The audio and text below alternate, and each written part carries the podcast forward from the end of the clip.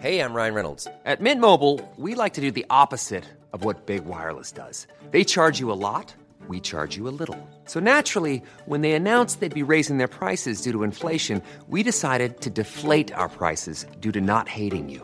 That's right. We're cutting the price of Mint Unlimited from $30 a month to just $15 a month. Give it a try at mintmobile.com slash switch. $45 upfront for three months plus taxes and fees. Promo rate for new customers for limited time. Unlimited more than 40 gigabytes per month. Slows. Full terms at mintmobile.com. Burrow is a furniture company known for timeless design and thoughtful construction and free shipping, and that extends to their outdoor collection. Their outdoor furniture is built to withstand the elements, featuring rust-proof stainless steel hardware, weather-ready teak, and quick-dry foam cushions. For Memorial Day, get 15% off your Burrow purchase at burrow.com slash ACAST and up to 25% off outdoor. That's up to 25% off outdoor furniture at burrow.com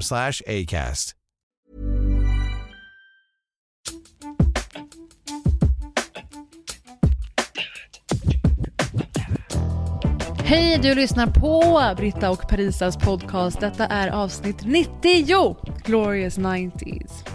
Och så är det att den här podden tar ju varje vecka upp de mest brännande ämnena inom populärkultur eller nyheter, debatter, snackisar och så även denna vecka. Det är ju Emmy-galan på söndag så det blir en quiz på det givetvis kring tv-serier.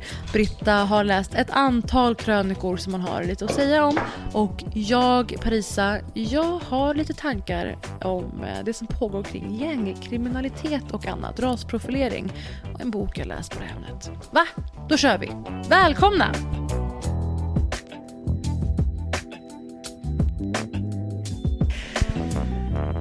Ja, jag är lite av en konnässör. Vadå? Äh.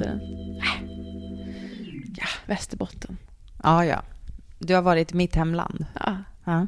Hur känns det? Det känns underbart att jag var där och att du fick lite, lite FOMO. Alltså jag, jag känner mig otroligt missundsam faktiskt. För det, alltså, men det är lite sorgligt också för att mina föräldrar skulle flytta ur huset som de har bott i i 20 år. Mm. Det här har vi pratat om förut. Jag har ju inte bott jättemycket där. Vet du, folk hade stenkoll på det. Jag var alltså i Umeå i helgen ska sägas för att Ja. jag var med i God kväll. Ja. Och då är man där och jag fick förmånen att vara kvar också och träffa en massa lyssnare. Mm. Även Jonathan som fyllde 24 eh, och samma dag fick då skjutsa mig fram och tillbaka till flygplatsen i princip. Jaha. Eh, så shout-out till honom för han var jätte in, alltså jätteinne på podden. Nej, vad roligt. Ja, roligt. Shoutout till Jonathan. Men, eller Jonathan, Ja. ja, som vi säger i Umeå. Men det här med ditt hus, det var the talk of the town. Hur fan, hur kunde det vara det? Nej men du, du har ju länkat ut en annons och allting. Ja, jag, fick, jag. jag fick också gå hem till dina föräldrar på behörigt avstånd. Men Ja, det var, väldigt gulligt. Och du bara, jag är lite snuvig. Jag bara, då håller du dig borta. Ja. Men ni stod och vinkade till varandra i trädgården Mm. i alla fall. Jättefina. Ja. Alltså det känns mysigt att du var där och typ gillade Umeå. Ja, Ja. men jag hade jättekul för jag bara lite ödmjukt frågade om någon kan tänka sig att ses av poddlyssnarna. Vet du, det tycker jag är så jävla modigt. Och då dyker jag, jag tio hade typ inte personer vågat. upp. Jo, men det här är en... Alltså jag känner mig jätte eh, trygg med podden och knappt något annat i mitt otrygga liv. Ja, jag fattar. Men det, det är liksom så låg tröskel, för vi öser ju bara ur oss varje vecka. Men nu är vi på poddkonferens Mm, i talande stund. Jag Ja. sitter på sängen. Där vi knappt har sovit ju. Jag sover inte så bra när jag sover borta heller. Nej, Mm. jag sov pissdåligt. Mm. Men vi hade också lite lång middag igår. Vi drack vin igår. Ja. Det var första gången på väldigt länge som Ah, jag typ okej. kände mig så här, nej men nu är jag full. Ja, men du Ja. var lite pirrig och busig för vi var på spa innan. Vi var- Britta chockade med personlighetstypen som var väldigt noga med att tvaga sig utan baddräkt på innan Alltså, man jag, gick in i tycker, poolen. jag tycker det är helt sjukt att du ens vågar typ erkänna publikt att du inte... Alltså det är klart man är naken och Folk skrubbar tittade rent. på dig, att du hade den åsikten. Ja. Tittade. Vadå? ja, men du kritiserade att jag, för du vet vad du gjorde? Jag stod och duschade. Jag shameade dig. Jag stod och gjorde jag. duschade med baddräkten på Ja. och du stängde till min duschdörr lite i det här offentliga utrymmet Ja. för att markera att jag borde ta av mig. Ja. Alltså det var så roligt. Vem är sån? Men alltså jag, jag känner mig jätte... Alltså det, vadå? Det är ju massa ba- bakterier, basiller som du inte kommer åt när du duschar med baddräkten på. Det här är... Va? Men alltså vad tror du folk gör i poolen? Tror du att det är fräscht? Det är Nej, men jag tänker att man kan ändå, så- alltså, det är the lesser of, alltså two evils höll jag på att säga. Men, men hur som helst- fall ja, ångbastu det Hur som helst, vin. kombinationen Ja. ångbastu plus vin, det, det kan rekommenderas om man Mm. vill bli snurrig. Och vi är alltså på poddkonferens, snackar lite om eh, kommande härligheter. Mm. Vi har ju bland annat eh, ett hundrade avsnitt som ska firas. Hundra avsnitt! Hundra avsnitt. Och Alltså, det det... vi, är så här, vi är väldigt mottagliga för förslag. Ja, och jag vill ha så här plaketter. De kan börja snida nu. Du vet så Grammy-vinnande artister. De har Ja, plaketter på väggarna på olika sina eh, rekord och sånt. Ja, jag fattar. Något sånt. Jag, jag, tänkte, jag tänkte mer in terms of trycka upp t-shirts. Mm. Alltså typ eh, Ja. som en, mm, så här, jag var där Ja. när de firade 100 avsnitt. Och Den det skulle var, vara fet. Och det var okej. Det var sådär. Vi höll avstånd, men det var, det var helt okej kul. Men nu har vi en del att avhandla Ja, från veckan som har gått. det har vi.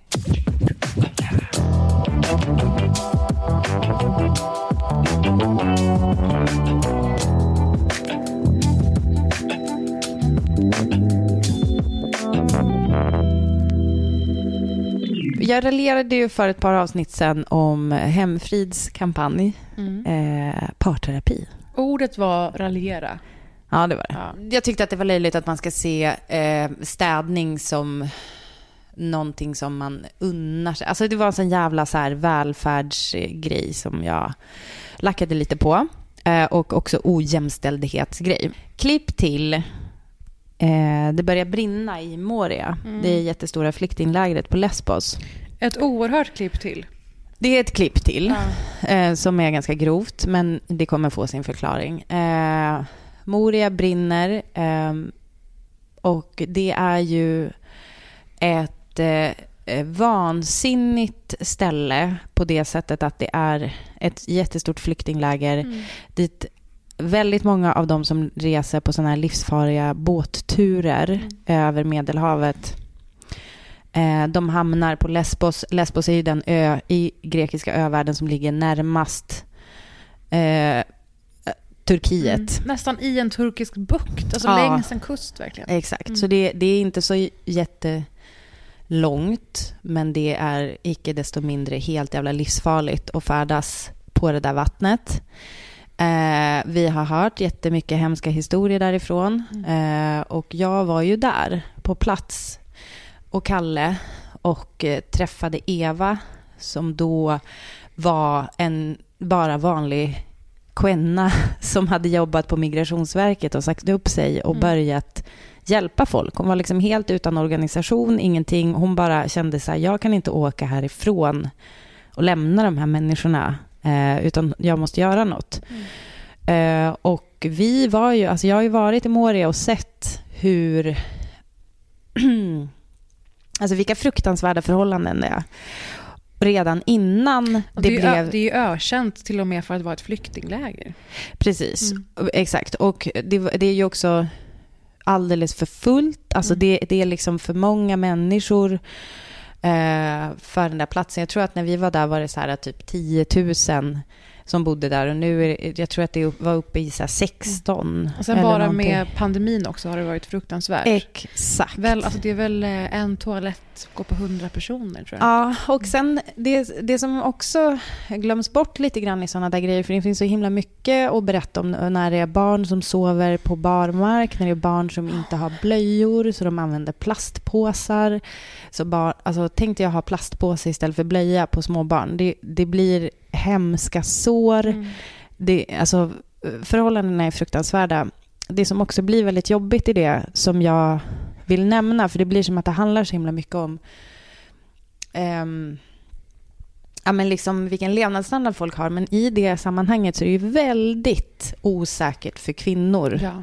Det är väldigt eh, mörkt att tänka på. laglöst. Ja, men precis. Men att, att just att män i den situationen utnyttjar, alltså till och med i, på den absoluta liksom botten av Mm. en levnadsstandard, där kan man känna att man har en möjlighet att utnyttja, att en kvinna går på toaletten mitt i natten, ska hon behöva oroa sig för Mm. att bli antastad. Eh, och eh, det, det är så mycket som sker i farvattnen av det där. Övergrepp och så vidare. Och såklart att massor av barn far illa, blir föräldralösa. Och nu har det ju då börjat brinna i Moria, eller det har Mm. varit bränder Ja. där. Nu är det ju... Helt nedbrunnet. Ja. Vilket har lett att de här människorna som tidigare inte hade någonstans att vara, Mm. verkligen inte har någonstans att vara. Alltså det är så, det är så jävla sjukt. DN skrev en text som hade rubriken “Alla ville få bort Moria, men inte på det här sättet”. Något sånt där som, som indikerade att det har kallats för EUs skamfläck. Ja. Verkligen. Att folk har verkligen eh, vetat om att, att det bor var det 13 000 personer på den Ja, här jag ytan. är Ja. oacceptabelt genom, alltså enligt alla punkter. Ja. Men att det, ryk, att det ryker, att det försvinner på det här sättet utan alternativ. Mm. Att det är som att folk tror att de levde i helvetet. Mm. Klipp till. Det fanns en nivå nedanför helvetet. Verkligen. Det som är intressant med den här gången, Mm. för det har ju krisat i Moria förut, det har brunnit där förut. Folk har, eh, som sagt, alltså under pandemin har det inte direkt varit så toppen Mm. att bo i flyktingläger heller. Men nu tycker jag ändå att media verkar ha fått upp ögonen. För första gången så ser man, för vi, vi var ju där för, jag tror det är tre år sedan. Mm. Ehm, och man har varit förvånad över hur tyst det har varit kring diverse kriser, kring hur många flyktingar som fortsätter komma med de här båtarna. Det var intressant att skriva om 2015. Sen var det som att, ja ja, det har inget nytt att säga om det. De fortsätter komma.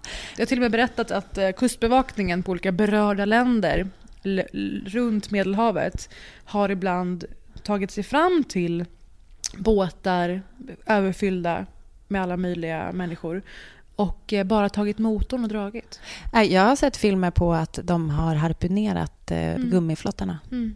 Alltså att de sticker, alltså Det här är pinnar, alltså... sticker hål på Exakt, och det här är inte bara det här är inte pirater. Det här Nej. är människor som jobbar dem. Myndigheter. min, på myndigheterna. Men då, för att knyta an till min hemfridsgrej, så var det i alla fall så att jag skrev på internet att ehm, man kunde väl, alla de som har hemfrid eh, kan väl swisha en liten slant. Kanske man har en slant över om man har råd med städhjälp. Så kanske man kan eh, swisha en liten slant. För Mm. det, det som hände när vi var i Grekland var ju att väldigt många så här ensamstående mammor typ hörde av sig och bara kan jag swisha något? Jag har bara 20 kronor. Det är men så att alltid folk- så att de som har minst vill ge mest. Ja, Eller så kan- folk ja. swishade så här, för ett paket blöjor kan jag i alla fall, om jag kan köpa det åt mitt barn kan jag säkert köpa till ett till barn. Mm. En 90 spänn liksom kom så här, swish till Eva. Så vi gick och köpte blöjor och så kom det mer pengar och det var eh, väldigt mycket sådana här småsummor här och där, vilket gjorde mig så jävla rörd för att det var som att människor verkligen grävde i sina fickor och att det var just människor som bara, jag har inte mycket men jag har i alla fall det här.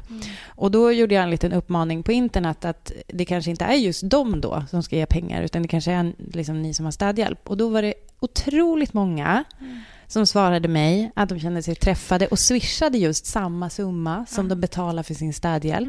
Det var en som skrev, jag sitter just nu på ett café och gömmer mig medan min lägenhet blir städad. Jag swishar summan direkt.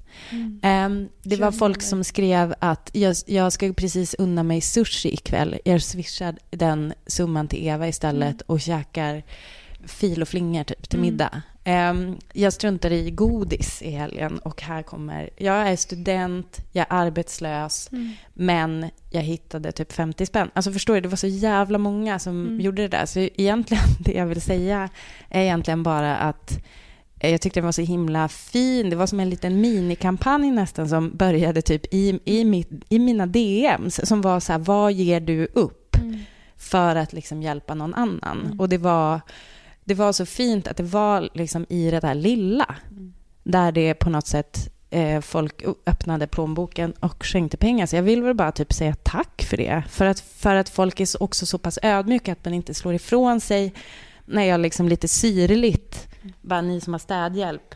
Utan var, att folk var faktiskt... det några sådana incidenter? Nej, det var ingen som var sur.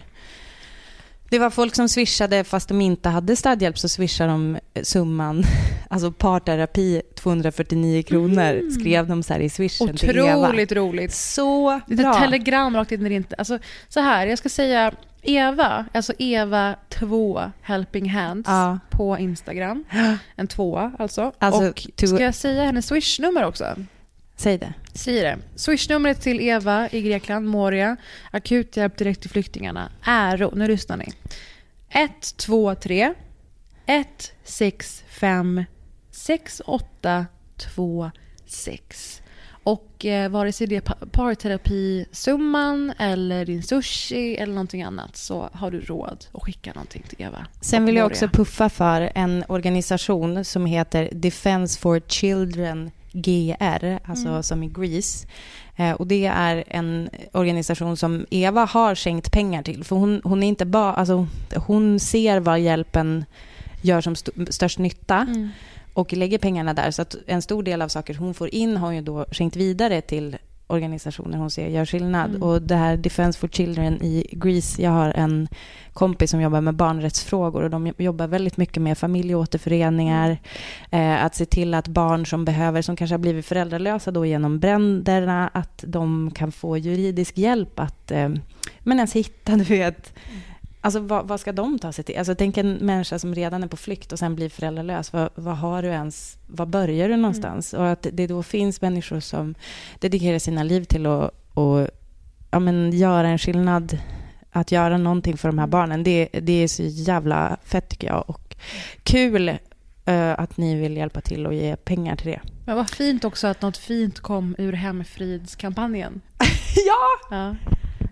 Kanske uppföljare till nästa kampanj Hemfrid. Skit i oss. Swisha Eva.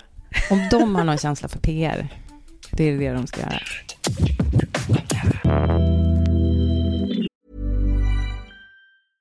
Hey, I'm Ryan Reynolds. At Mint Mobile, we like to do the opposite of what Big Wireless does. They charge you a lot, we charge you a little. So naturally, when they announced they'd be raising their prices due to inflation, we decided to deflate our prices due to not hating you. That's right. We're cutting the price of Mint Unlimited from $30 a month to just $15 a month. Give it a try at mintmobile.com slash switch. $45 upfront for three months plus taxes and fees. Promo for new customers for limited time. Unlimited more than 40 gigabytes per month. Slows. Full terms at mintmobile.com. Hiring for your small business? If you're not looking for professionals on LinkedIn, you're looking in the wrong place. That's like looking for your car keys in a fish tank. LinkedIn helps you hire professionals you can't find anywhere else, even those who aren't actively searching for a new job but might be open to the perfect role. In a given month, over 70% of LinkedIn users don't even visit other leading job sites. So start looking in the right place. With LinkedIn, you can hire professionals like a professional. Post your free job on linkedin.com/people slash people today. Men du snuddade ju nyss på ett ämne som har varit väl diskuterat den här veckan. Mm. Det är egentligen tre stora ämnen. Vi har ju haft eh, ja, men migrationsdebatt. Mm. Eh, Stefan Löfven har svängt i frågan om migration kan man säga. Och eh, sagt att han ser en direkt koppling mellan migration och eh, brottslighet. Mm. I termer som han inte ville ta i för kanske ett år sedan. Så. Mm. Och ehm, sen har ju en annan part växt fram med allt det där. Lite oväntat faktiskt. Jag ska visa dig ett klipp. Det finns en koppling mellan fattigdom och eh, kriminalitet. Det finns en tydlig eh, koppling mellan sociala klyftor och kriminalitet. Det finns en koppling mellan dålig integration och kriminalitet. Men det finns inte någon koppling mellan hudfärg och kriminalitet. Och jag tycker att den som kopplar ihop eh, invandring med kriminalitet gör en stor otjänst för alla de människor, den överväldigande majoritet av människor med invandrarbakgrund som går upp varje morgon, går till jobbet, gör sitt jobb i välfärden. Det är min läkare, det är din eh, busschaufför, det är våra barns lärare vi pratar om och som gör ett fantastiskt jobb för att få Sverige att funka varje dag. Att beskylla dem för att vara grund till kriminalitet tycker jag är oförskämt. Och det här var alltså Miljöpartiets Per Bolund som ju har varit ganska anonym. Hållit låg mig. profil. Men alltså, är det här en produkt också av att Isabella Lövin har klivit ett steg tillbaka eller ut? Eh, det var en fantastisk, det bästa som Miljöpartiet kunde ha gjort. Men det var intressant för de lyckades äntligen koka ner ett vasst budskap. Ja. Det brukar vara så flummigt och svårgreppbart det de vill föra fram. Eh, och det här var ju ett, eh, jag vill säga, ett nyttigt komplement till det Stefan Löfven sa. Att markera att det handlar om sociala eh, klyftor och Mm. fattigdom och desperationen som föds ur det och bristen på framtidsutsikter och alternativ Mm. som föder kriminalitet. Och det ser vi ju i alla samhällsskikt egentligen. Ja, exakt. Ja, och det här ingår ju i den eviga debatten vi har just nu om gängkriminalitet egentligen. Jag pratade om Leif GW för ett par veckor sedan, att han ville bara in och blås, ut, ut med dem med blåslampa. Och sånt hade han som alternativ metod. Eh, och klipp till hur den retoriken yttrar sig på våra gator. När artisten One Cuz faktiskt delade klipp från en tioåring som eh, hamnat i en situation med polisen. De här utfrågningarna. Kastade mig på marken och höll pistol mot mig. Hur gammal är du? Tio. Det som har hänt är alltså att en tioårig pojke har kastats ner på marken och att polisen har riktat en pistol mot honom. När polisen sen får förklara eh, hur det här kan ha uppstått i en sån här situation. Det är alltså ett brunt barn, ska sägas. Ja. Vilken sammanhang barn. var själva incidenten? De har blivit tillkallade till en plats för något bråk eller liknande. Och den närmaste personen råkade vara den här pojken. Så han stod nära. Exakt. Och när... Och ursäkten från polisen var att de kan inte veta ifall han är citat farlig och kan bära vapen. Så det vill säga, där har vi en till pusselbit. Att retoriken som sker i våra morgonsoffor eller från politiker, de kokas ju ner, sipprar ner till gemene man, antingen på myndigheter eller på gatorna och yttrar sig i hur de blir bemötta på olika sätt. Och här var så en tioårig pojke som misstänkliggjordes och säkert traumatiserad efter den här händelsen. Och vet du vad mer han är? Han har ytterligare fått en bild av polisen som jag gissar inte är bra för varken Sverige eller för polisen. Verkligen. Ja, utöver det så har vi på Britta och Parisa på Instagram uppmärksammat fallet med Benjamin. Mm. Du såg klippet i helgen, antar jag. Det var då eh, Instagramkonto Tänkvärt som först uppmärksammade det här. Ännu en incident på Öresundståget. Där en man på väg hem från sitt jobb i Köpenhamn, på väg hem till Malmö, blev ombedd att visa lägg. Gör det. ehm, knarkhund har passerat, ingen har markerat något speciellt. Ändå tillkallar kontrollanten polisen. Polisen ber att han ska gå av för att hon ska genomsöka hans väska efter knark. Behöver jag säga att Benjamin är en svart man? Nej, jag behöver Jag inte. tror jag behöver säga det för att folk ska förstå vad det är jag pratar om. Eh, och Benjamin känner alltså, vet du vad, nej. Du kan säga här vad du vill. Mm. Jag har inte gjort någonting fel. Du får tre sekunder på dig. Vad är det jag ska göra? Du ska Vad följa med ut. Jag har ett jobb, jag har ett hem jag måste... Du ska följa med ut. Jag ska inte följa med dig någonting. Jag visade mitt lägg och det är allt jag behöver. Jag behöver inte följa med dig någonstans. Han hör ju vad Du du är under säger. poliskontroll just nu och du ska följa av tåget. Ja, du sa att jag skulle lyssna på det. Jag hör precis vad du säger. Jag kommenterar allt vad du säger. Så varför ska jag ta du ska följa av tåget? Varför ska jag ta mig hörlurarna? Varför ska jag följa Polisen med? säger till dig att följa med. Följ med nu. Jag ska inte följa med någonstans. Jag, jag har gjort ett skit. Jag pendlar med den här Jag killen varje dag.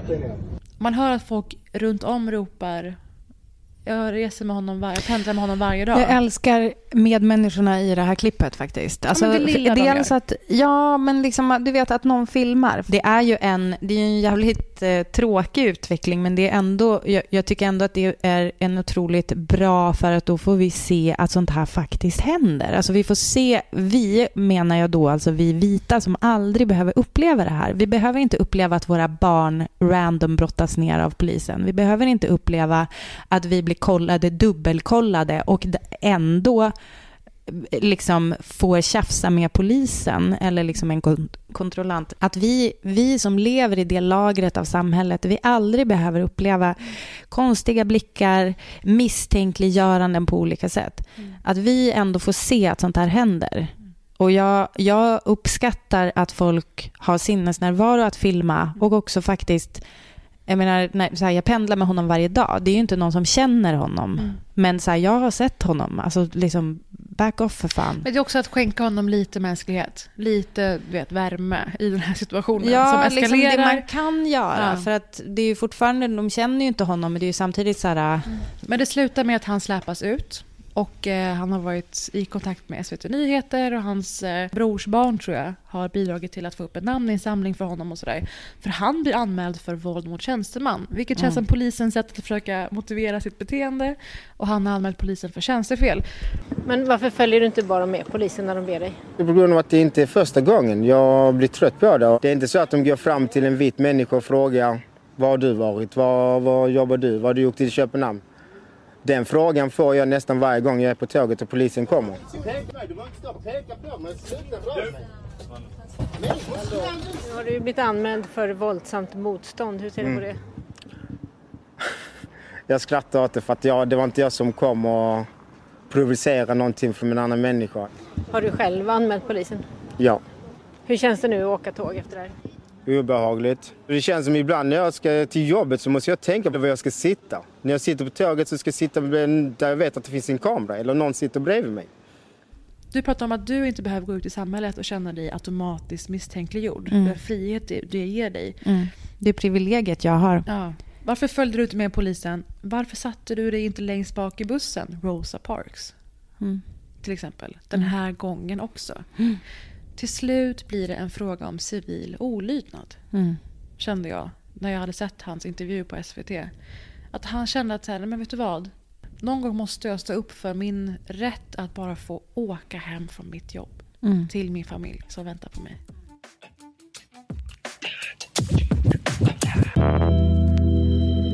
Men jag tycker också att du inleder ju lite med det för att det påverkar ju hur myndigheterna eh, pratar och vad de har för retorik. Och det var ju också det som jag ville belysa med lilla quizet Trump eller Jimmy förra veckan. Att den typen av retorik som förs i debatter, i liksom städade politiska sammanhang, it trickles down. Det rinner ner till. Eh, det rinner ner till gemene man. Det rinner ner till, det kan ge en, eh, jag menar, jag hatar inte polisen. Många av mina kompisar är poliser.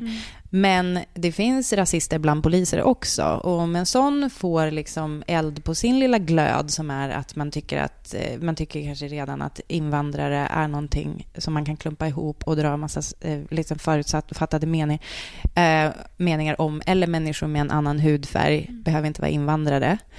Ehm, det ger, alltså det, det fuelar sånt. Och det spelar också roll i det här. Att det är så här, vad vill vi ha för klimat? Mm.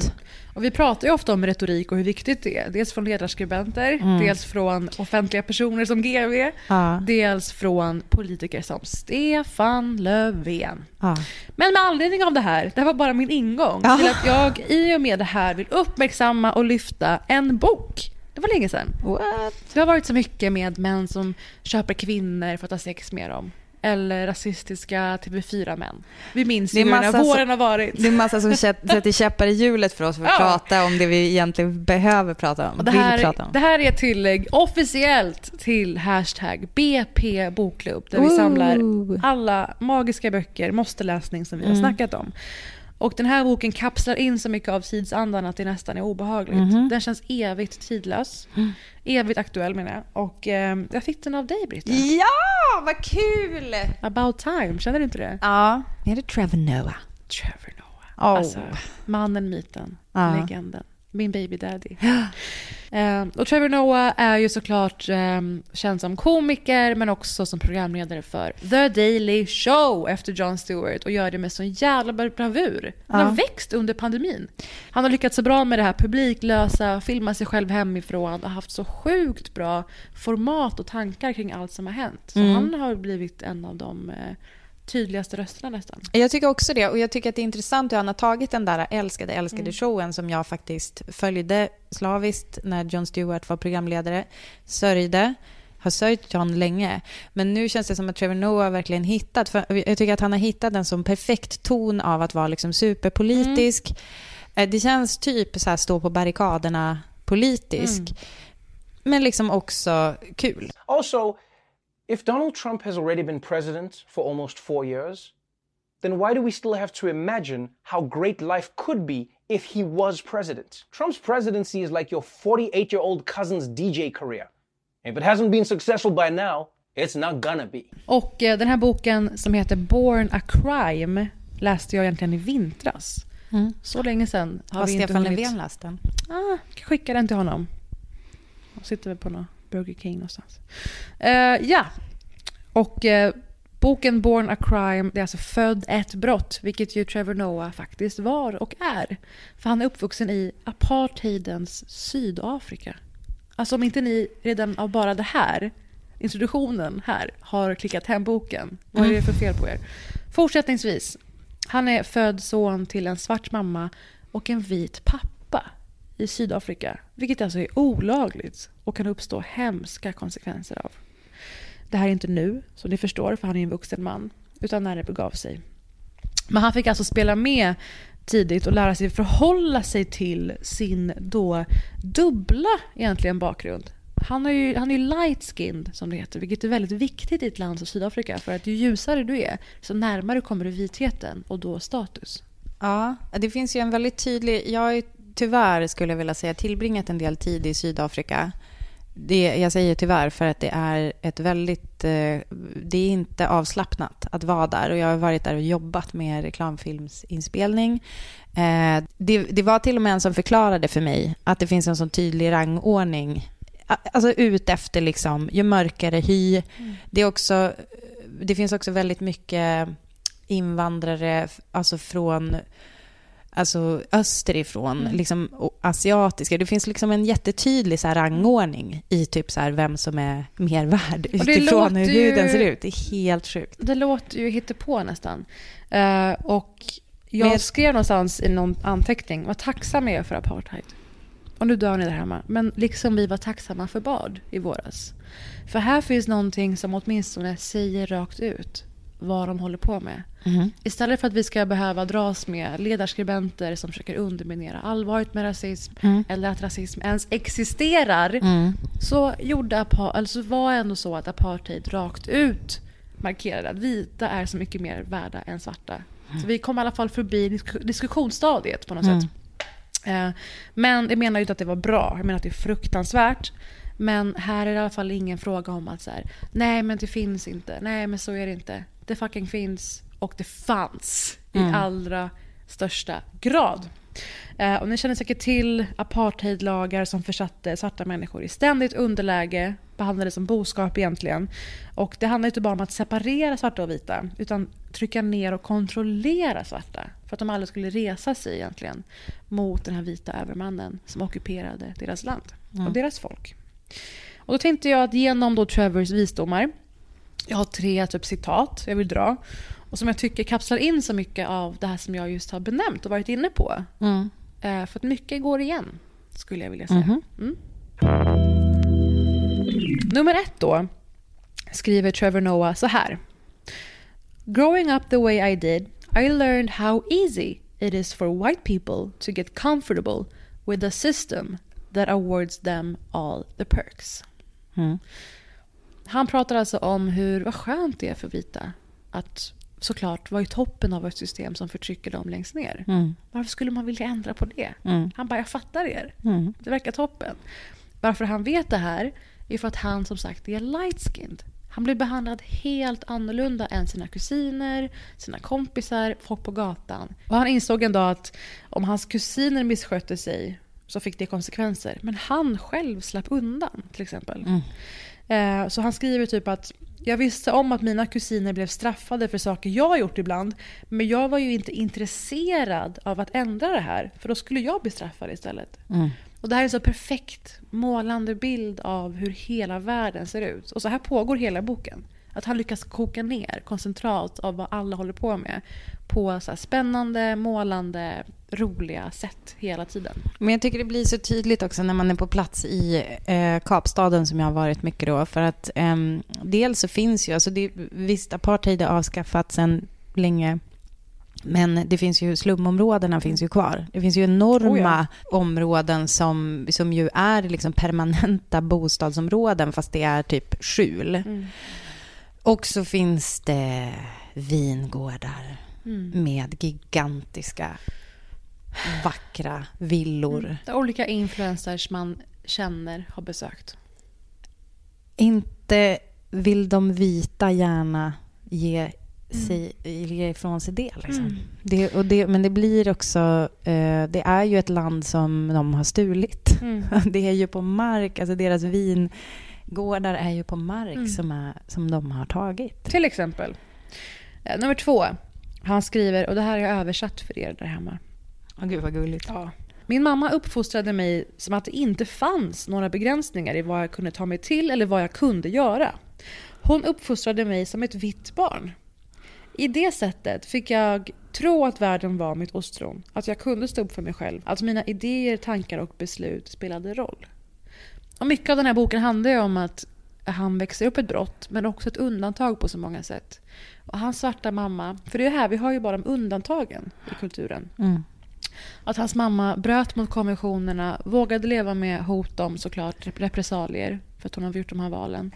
Det kommer också en bit där mamman blir förlöjligad av folk. Ehm, varför lär du ett svart barn vita saker? Vad ska han med det till om han aldrig får lämna gettot? Och då hade mamman svarat att även om han aldrig lämnar gettot så kommer han veta att gettot inte är hela världen. The ghetto is not the world. Om jag lyckas med det så har jag gjort nog. Och det är så jävla rörande, för det säger så mycket om, som vi brukar snacka om, hur perspektiv och framtidsutsikter och horisonter kan vara helt avgörande för att en person gör motstånd eller försöker ta sig någonstans ifrån. Och det är också så jävla djupt orättvist att det hänger på att man kanske har en förälder Mm. som vågar göra de här sakerna för en. Mm. På något sätt. Jättestarkt. Mamman överlag i boken är fantastisk. Förlåt, vad är vita saker? Vad är det som hon lär honom som är... Saker han kan användning för utan the day to day. Mm. Hur funkar väder? var en sån grej. Aha, Vad kan man plugga på universitetet? Vad kan man lära sig där? okej. Mm. Och det händer väldigt mycket i mammans liv som också kapslar in kvinnohatet som är djupt i Sydafrika. En väldig Eh, machokultur. Ja, och kvinnor mördas utan utredningar. Mi- Misshandla kvinnor är till laglöst. Allting. Mm. Ja. Och den tredje handlar om lockelsen i att förbli i ett visst umgänge eller ort, som han kallar the hood, ett generiskt. Och här tänker jag på de män och unga män som lockas in i en tillvaro av tillhörighet och trygghet som vissa, som kan även yttra sig som gängkriminalitet. För det vi måste göra är att bryta den cykeln egentligen. Mm. Trevor Noah skriver You never feel like a failure in the hood because someone's always worse off than you. And you don't feel like you need to do more because the biggest success isn't that much higher than you either. It allows you to exist in a state of suspended animation. The hood was strangely comforting, but comfort can be dangerous. Comfort provides a floor, but also a ceiling. Alltså han är som en profet. Mm. Jag älskar honom mer än någonsin. Eh, och det handlar om att det här är en sorts kvävande trygghet som Mm. håller en tillbaka, inte tillåter dig att utvecklas, inte utmanar dig. Och du, om du gör avsteg från det här, då har du lämnat den enda trygghet och tillhörighet du har. För du hör inte hemma någon annanstans i Sverige i det här fallet. Eller Sydafrika i hans Mm. fall. Jag tycker det blir en så perfekt bild av de som riskerar att hamna i det här umgänget. Mm. Måste ju känna så menar jag. Åtminstone. Klart det finns alternativ. Men vi måste ju genom förebilder och olika sätt få dem att känna det. Mm. Och att de inte riskerar någonting om de gör avsteg från någonting annat. Mm. Att de ändå kan inkluderas och accepteras någon annanstans. För om någon den gången de är i stan, den gången de är någon annanstans, alltid blir behandlade på ett pissigt sätt. Varför skulle de söka sig från sin ort eller från sitt umgänge? Från eller i värsta fall från gänget. Varför skulle de göra det? Mm. För att det är en trygghet som de har. Nej, men och att man motarbetas över att annars... Man, och att man motarbetas på alla andra ställen. Mm. Och blir kränkt och förnedrad. Ja, men också, du också får bekräftat Mm. bilden av, alltså nidbilden av, alltså den box som du har blivit satt i. Om den då bekräftas av polisen eller kontrollanten på tåget och så vidare. Ehm, jag säger inte att det var så i Benjamins fall, eh, men det, är ju, det händer ju massor av andra Mm. tusen gånger i veckan. Det var så Det är en himla... exakt siffra. Det var så läkande att läsa Trevor Noahs bok, Ja. Born a Crime. Jag har kvar mina tusen noteringar där jag läser det redan ibland. Eh, Och han är så klarsynt och fantastisk och unik på denna jord. Att sätta fingret på vad vi går igenom nu kopplat till hans Sydafrika. Det är en Mm. jävla bedrift alltså. Så det här var ett sent eh, tack för boken, Britta Zackari. Varsågod. och läs den! Hashtag BP Bokklubb. Och återkom. Mm. Det är ganska kul att podden ibland har ju så här röda trådar fast vi inte riktigt har pratat ihop oss. Men här kommer det, nämligen Mm. på det ämnet som du precis pratade om, från Umeå. På Västerbottens-Kurirens ledarsida läser jag nämligen Ola Nordebos krönika med rubriken Vedervärdiga försök att göra brottsligheten till en invandringsfråga. Mhm. Eh, det är, alltså jag skulle vilja, jag har markerat så mycket i den här, nästan hela texten.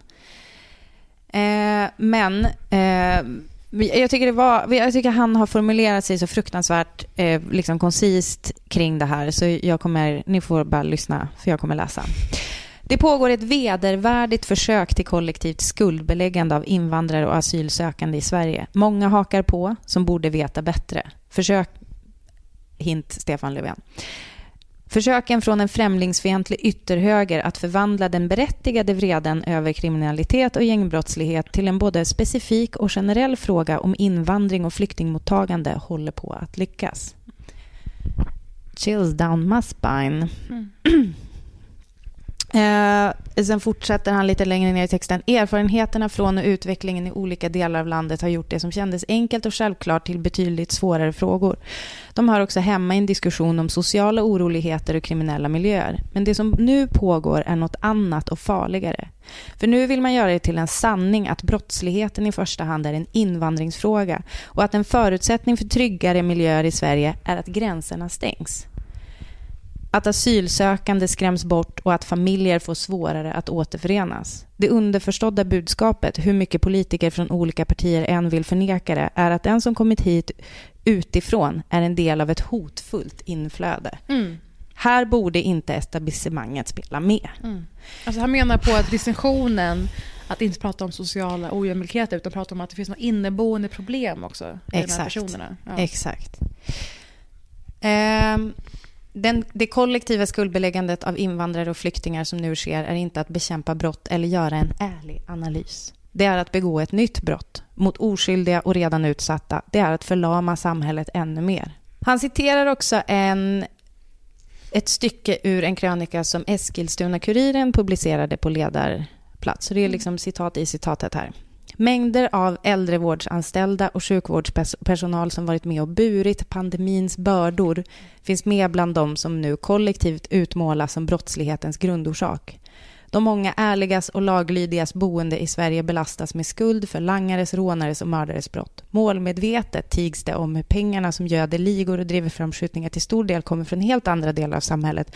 Även från de välbeställdas kvarter och förorter. Och du och jag vet det här att det finns otroligt många invandrare, människor med annan hudfärg och så vidare Mm.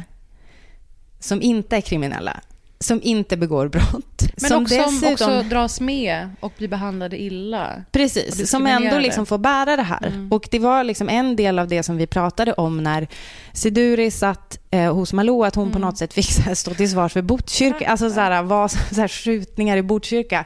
Det är så bisarrt. Mm. Men att det ändå händer liksom dagligen. Och jag tycker att det var så jävla bra med Bolunds eh, kommentar, att det är, liksom, det är min läkare, Mm. det här.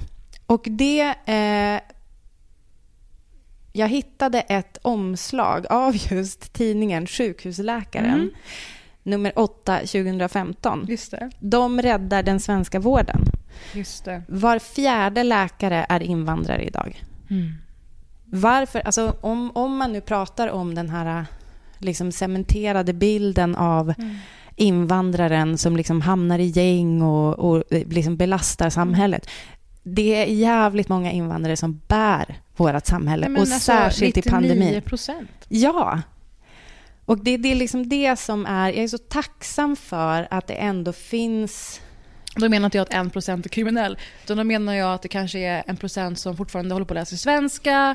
Det kanske är en procent, alltså förstår jag menar? Det kanske är folk som inte ännu är etablerade och verksamma i sa- samhället. Men vi har en sån otrolig tacksamhetsskuld egentligen för de alla som eh, berikar. Du pratar om vården. Ja. Men Sverige som samhälle är stort på många olika plan. Ja. Jag tycker bara det är värt att påminna om, och jag är så tacksam, Ja. att just Beloved, Västerbottens-Kuriren, vet att mina föräldrar träffades på Västerbottens-Kurirens redaktion. Det kan ha kommit upp. kan ha kommit upp. Vem var det som skrev?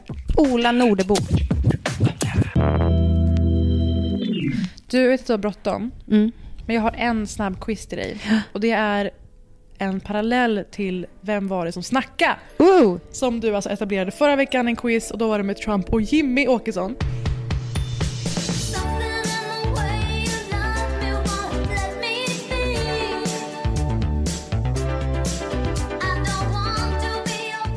Idag är det apropå Emmys.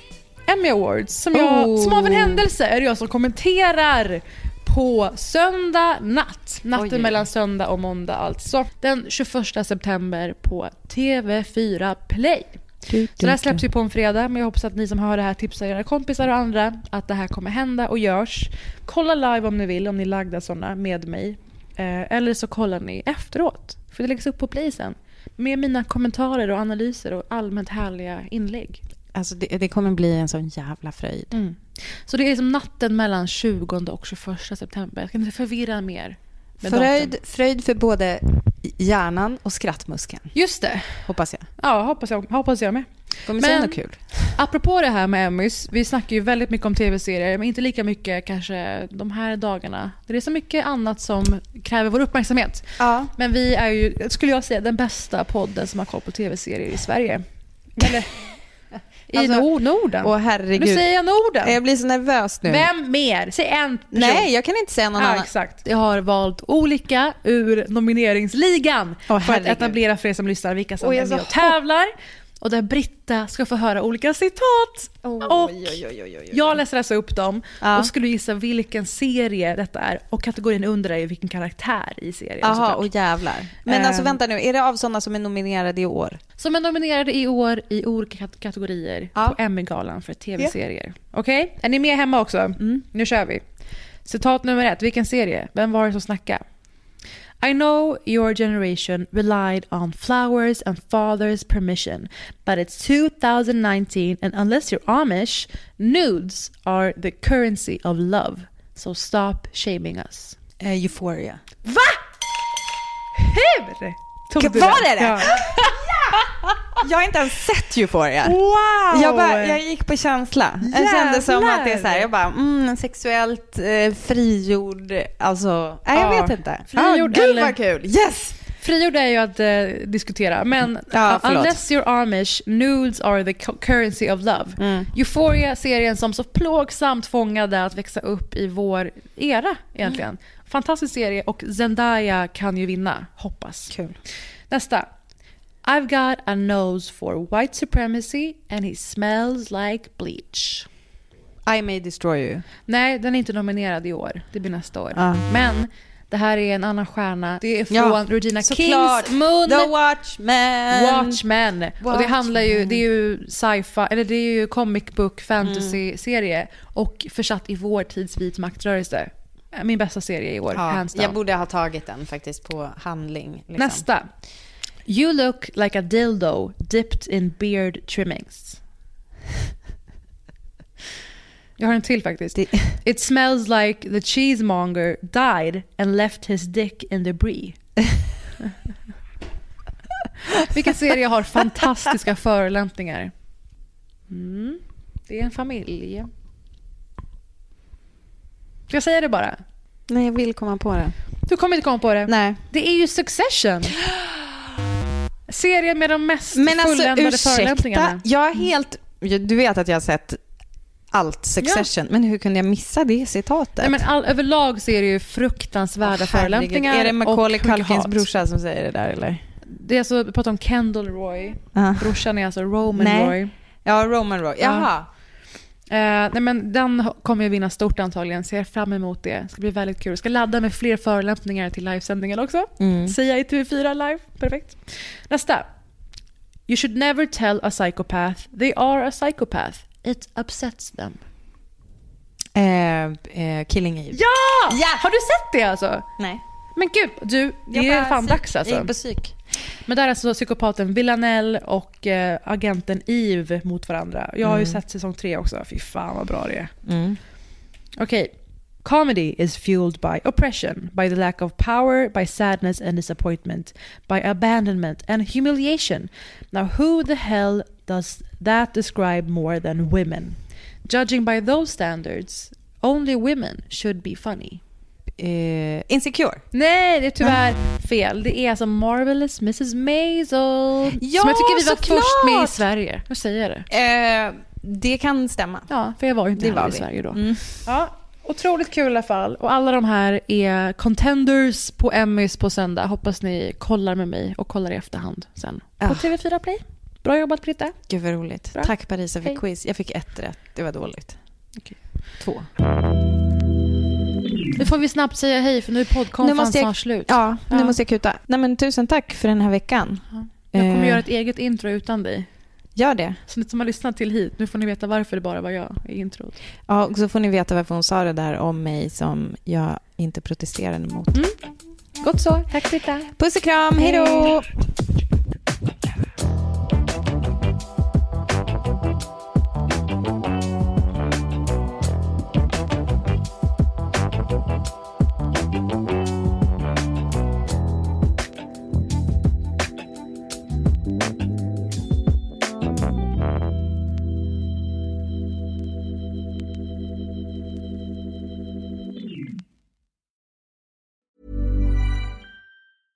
Planning for your next trip? Elevate your travel style with Quince. Quince has all the jet setting essentials you'll want for your next getaway, like European linen, premium luggage options, buttery soft Italian leather bags, and so much more. And is all priced at 50 to 80% less than similar brands. Plus, Quince only works with factories that use safe and ethical manufacturing practices. Pack your bags with high-quality essentials you'll be wearing for vacations to come with Quince. Go to quince.com slash pack for free shipping and 365-day returns.